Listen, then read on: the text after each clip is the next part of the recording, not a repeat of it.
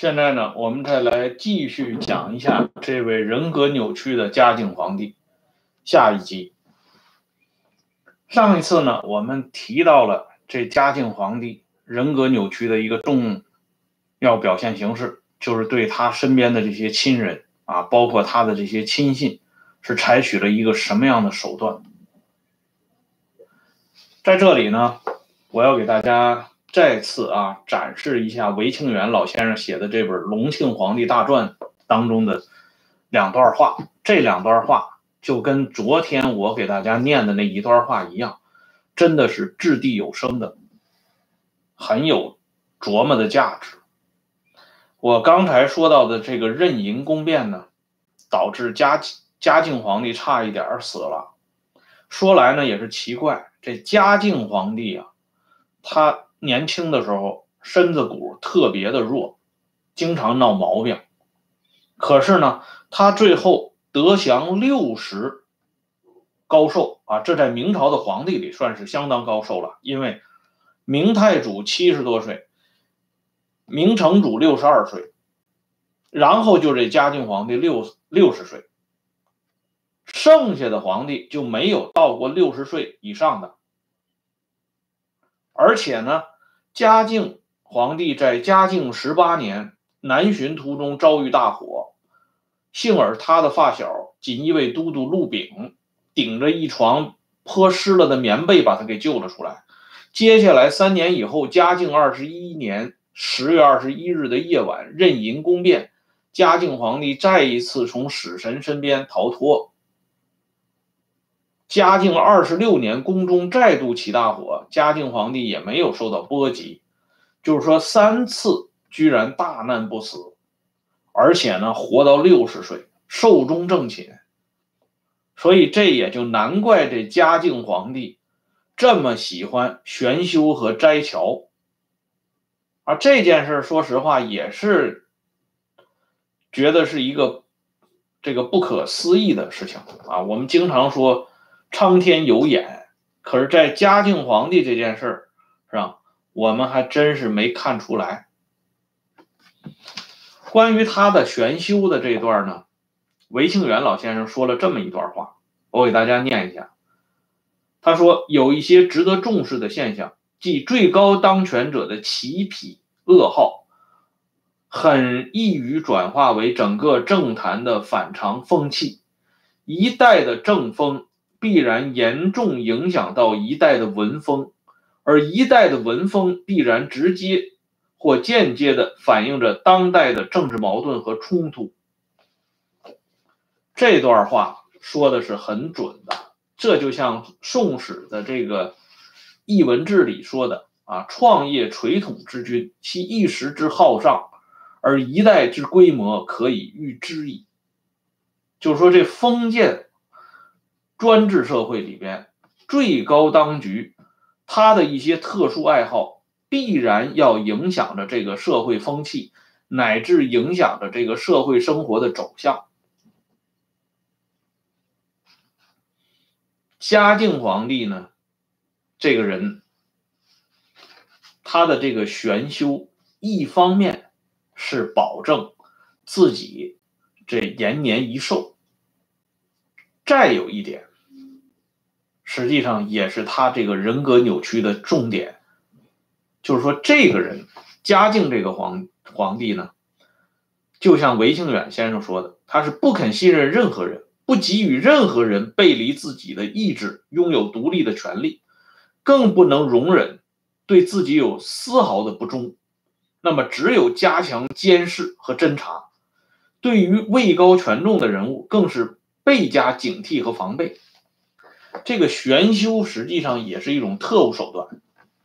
这皇帝呢，表面上对朝政不过问了啊，躲到这个宫里头，天天去吃斋念经去。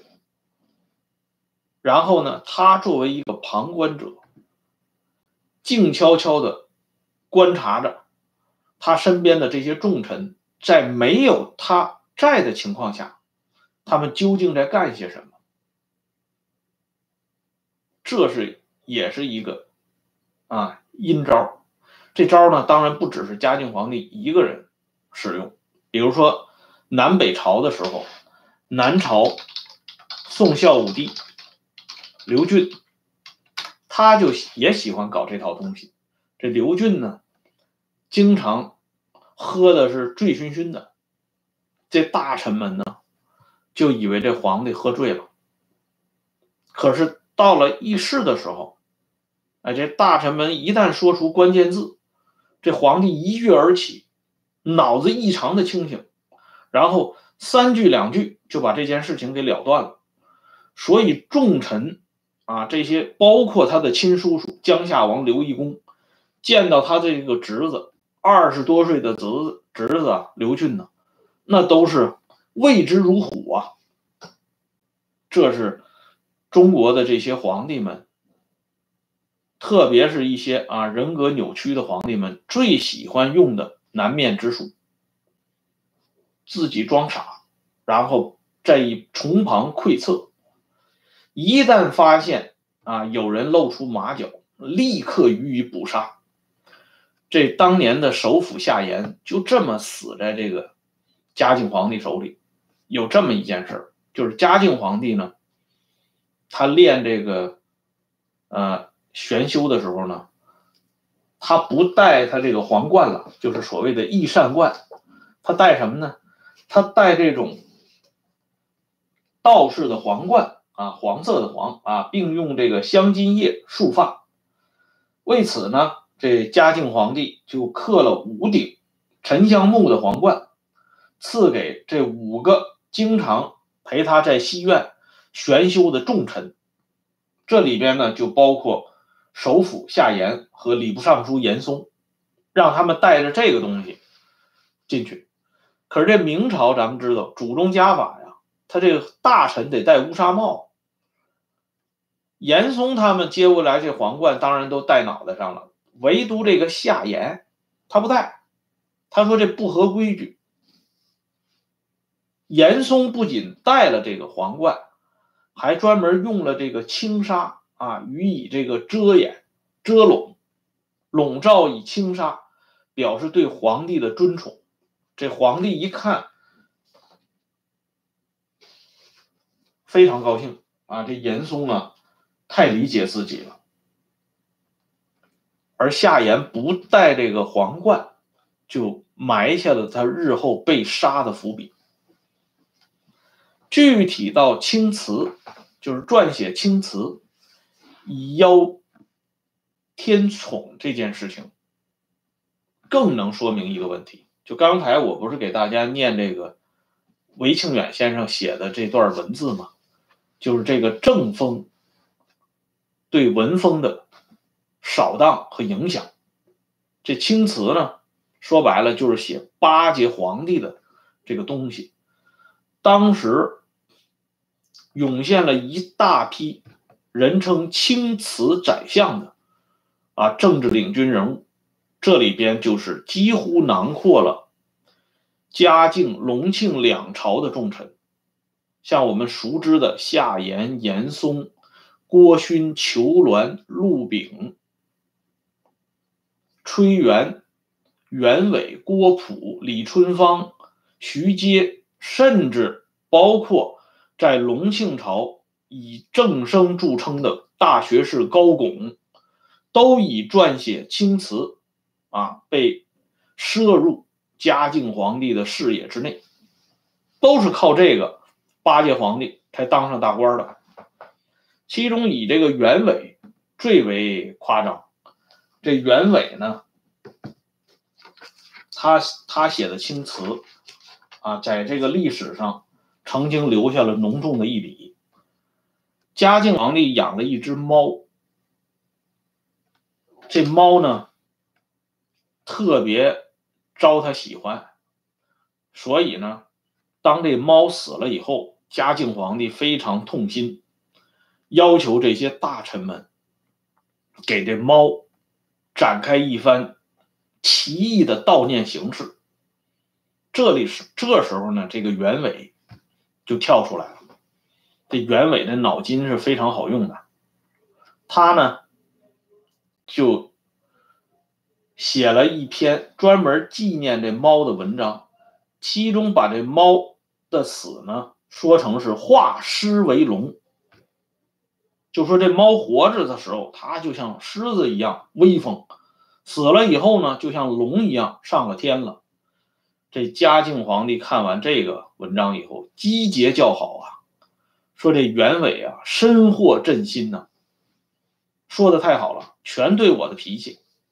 后来呢，袁伟又写了一个著名的，可以说是横贯古今、极端肉麻的对联，吹捧嘉靖皇帝。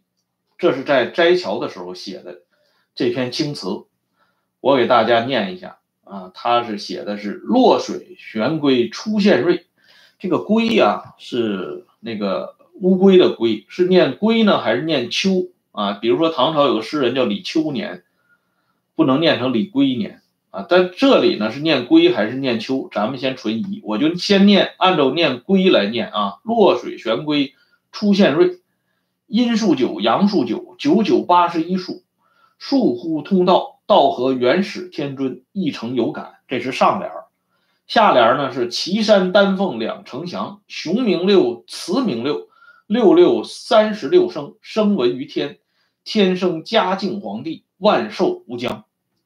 你看看这对联儿，上联是道合元始天尊，下联是天生嘉靖皇帝，一诚有感，然后是万寿无疆。对仗工整不说，全篇都是吹捧嘉靖皇帝的。这皇帝看了这个，他能不高兴吗？所以，这就引发了一个问题，就是这个嘉靖皇帝，他都提拔了一些什么人上来？都是以靠吹捧他个人，集中吹捧他个人上台的。这嘉靖皇帝，我们不说吗？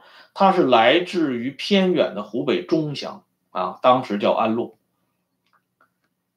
他在北京没有任何政治根基，完全是用大棍子开路。当年嘉靖年间著名的左顺门事件，嘉靖皇帝把五品以下的官员全部抓起来下到诏狱里边。什么叫诏狱？就是锦衣卫的监狱啊。这皇上，呃，私人监狱啊，下到诏狱里边进行严加考训啊，就是连打带问呢。三目之下，何求不得呢？嘉靖就是用这套手段树立了自己的权威，然后呢，这些人就对他进行肉麻的吹捧。尽管呢，天下啊是北虏寇关，南倭登陆，著名的庚戍之变迫在眼前，可是丝毫不影响这些官员对皇帝的吹捧。这明朝的政治。已经到了非常昏暗的时候了，可是呢，他就喜欢这个，因为他需要有这么一帮的人，为他的这个政治权威的全面树立做这么一个重要的铺垫。嘉靖这一生把权力看成是第一要素。什么国计民生啊，都不重要，只要他自己稳稳的抓住这个权力，剩下的都不在话下。所以这个王朝的危机就进一步的加深。为什么海瑞后来披肝沥胆，豁出一死给嘉靖皇帝上书？就说这王朝已经到了相当危险的地步了，需要有这么一个人站出来喊这么一嗓子。可是我们知道啊，海瑞当时是个什么级别的干部？那是个中下级官员，说白了就是下级官员。可是上层哪有一个人敢对嘉靖皇帝喊这么一嗓子呢？没有啊，包括这个夏言死的这个首辅夏言。他也不是因为抗生相加被皇帝给干死了，他只不过是皇帝认为他违拗了皇帝的意见，夏言没有公开跟皇帝顶牛啊，特别是因为这个收复河套这个事情引发大乱，嘉靖皇帝急于要找替罪羊，外边杀了征显，里边就要杀夏言，也就是说高层的这些政治人物，没有人敢对皇帝说出一丁点的负面的声音，所以这个朝廷整个是处在万马齐喑的局面当中。历朝历代，啊，我给大家看一本书，这是朋友给我复印的啊，这个《唐玄宗大中政局研究》，作者叫黄楼，这本书写的很有意思。他呢，就讲到，引用了王夫之的《读通鉴论》里边，评价唐玄宗，就是君欲疑，臣欲诈，志向欲事。坚壁欲资，小节欲言，大贪欲纵。这段话，王夫之写的是非常之好的。他说：“这皇帝啊，如果以察察为名，表面上严于御下，那么底下这些人就变得越来越奸猾，因为他们要应对皇帝的这种严格，而这种闻闻过是非。”就会滋生的越来越厉害。表面上，这国家处在一种烈火烹油的状态，而内里掩藏的危机就会愈演愈烈。皇帝每每抓住这些臣下的小节儿啊，比如说像夏言不戴皇上赐给的帽子，这就是小节嘛。本来你越是抓住这些小节不放，那么这些大的贪污犯。那就会嗖嗖的冒了出来。严嵩就是最大的贪污犯，就是说这皇帝，他拒见是非。嘉靖皇帝是最不喜欢别人对他提意见的。他在为政四十五年当中，多次用廷杖教训手下这些对他犯言直谏的官员，所以他最不喜欢听意见。他越是不喜欢听意见，那么底下这些阿谀奉承的小人就会成批量的生产出来。那么逢君之恶的严嵩得以当道十几年，将近二十年，那完全不是偶然的。所以明史上罗列的奸臣传，像严嵩、周延儒，实际上还有一个没上榜的温体仁。这几个人为祸很深，但是这几个人身后站的皇帝，一个是明世宗嘉靖皇帝，一个是明思宗崇祯皇帝，可见上有所好，下必甚焉。上边端着一个严于治理的架架子，底下呢就偷奸耍滑、贪渎贪墨，就是这么一个规律。逃不掉的，历史上跟这个唐太宗李世民相提并论。可是我们知道，唐玄宗死了以后，只传了两代，黄巢起义就爆发了，唐僖宗再一次从长安逃了出来，唐朝由此彻底覆灭。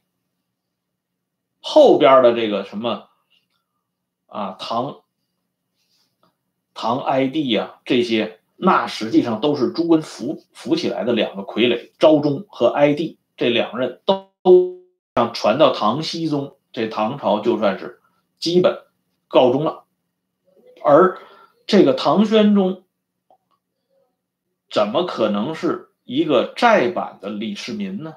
如果再版的李世民，怎么能就传了两代，这王朝就传不下去了呢？唐玄宗本人是负有不可推卸的责任的。所以，这个《唐玄宗大中政局研究》啊，这本书写的是很好的。它实际上就把以传统史书为唐玄宗增添的那些油彩啊，陆续的给剥离了。实际上，对比唐玄宗和明朝嘉靖皇帝，两者实际是异曲同工。因为嘉靖初政啊，嘉靖元年就是正德十六年到嘉靖三年，或者再推一点，嘉靖五年吧。出现了一个短暂的阶级矛盾缓和的时期，当时人们称之为嘉靖中兴，而嘉靖朝没有实现中兴，反而把这明朝推进了万劫不复的绝境。从这个嘉靖皇帝的用人行政，我们就可以看到，这个人最不喜欢听逆耳的忠言。那么不喜欢听逆耳忠言，就必然让这个局面成为一个无法散气的高压锅。这高压锅什么时候爆炸，没有人知道。说白了，这明朝就是拖日子而已。尽管嘉靖皇帝渊墨净身，揽权犹如亲临啊，这种做法，他要比他的孙子万历皇帝高明的多。万历在宫里就是吃喝玩乐，无所事事，对外边的朝政基本上是撒手不管，乱来。嘉靖皇帝呢，他虽然一方面念经，但是一方面紧紧握着大权不放。但是这两者他有一个共同点，就都是属于不务正业。什么叫正业呀？皇帝的正业就是治国理政。发展国计民生啊，让老百姓过上好日子，让各级官员安安稳稳的坐在自己的位置上，不至于产生恐慌的心理，这是皇帝应该做的。而这嘉靖皇帝经常用这种大板子收拾这帮人，然后呢大换血。你像这个谭谦不说吗？大封拜，大朱赏。什么叫朱赏？一方面杀，一方面赏。这人呢？成天是处在战战兢兢的状态中，当然，他在战战兢兢、如履薄冰的时候，他当然要无限度的向皇帝表表忠心。可是他全部的精力如果都用在了这上，那么各级官员谁还有心办正事儿呢？那自然就会造成田园荒芜、百姓失所，这社会风气江河日下啊！这边疆呢？是报警不断，自然就会形成这样的局面，而这些局面同嘉靖本人的这种严重的人格扭曲，那是紧密相连的。所以今天呢，关于这个人格扭曲的嘉靖皇帝，我们这个话题呢，就暂时告一段落。提到这个嘉靖皇帝。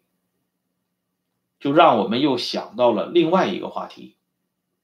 我们都知道，昨天是九月九号，这个日子呢很特殊，既是秋收暴动的日子，也是毛泽东死的日子。哎，在这个特殊的日子里呢，其实有些话还是应该谈一谈的。而毛泽东生前呢，对这个嘉靖皇帝，他是有一种复杂的感情的。他一方面训斥林彪说：“你要当明世宗，啊，你想躲清静。”可是，一方面呢，我们看到毛毛泽东呢，他身居九重，然后呢，时时掌握着这个大大局、大权，从不撒手。让我们产生了一些历史景象的重叠的感觉。这样呢，我觉得应该专门来找一期《读书杂记》来谈一谈毛泽东在文化大革命期间，他与林彪之间关于明世宗嘉靖皇帝的这段对白幕后的背景是什么。回过头来呢，我们要专门来讲一期。今天呢，关于嘉靖皇帝的话，咱们就说到这里。谢谢大家收看，下次节目再见。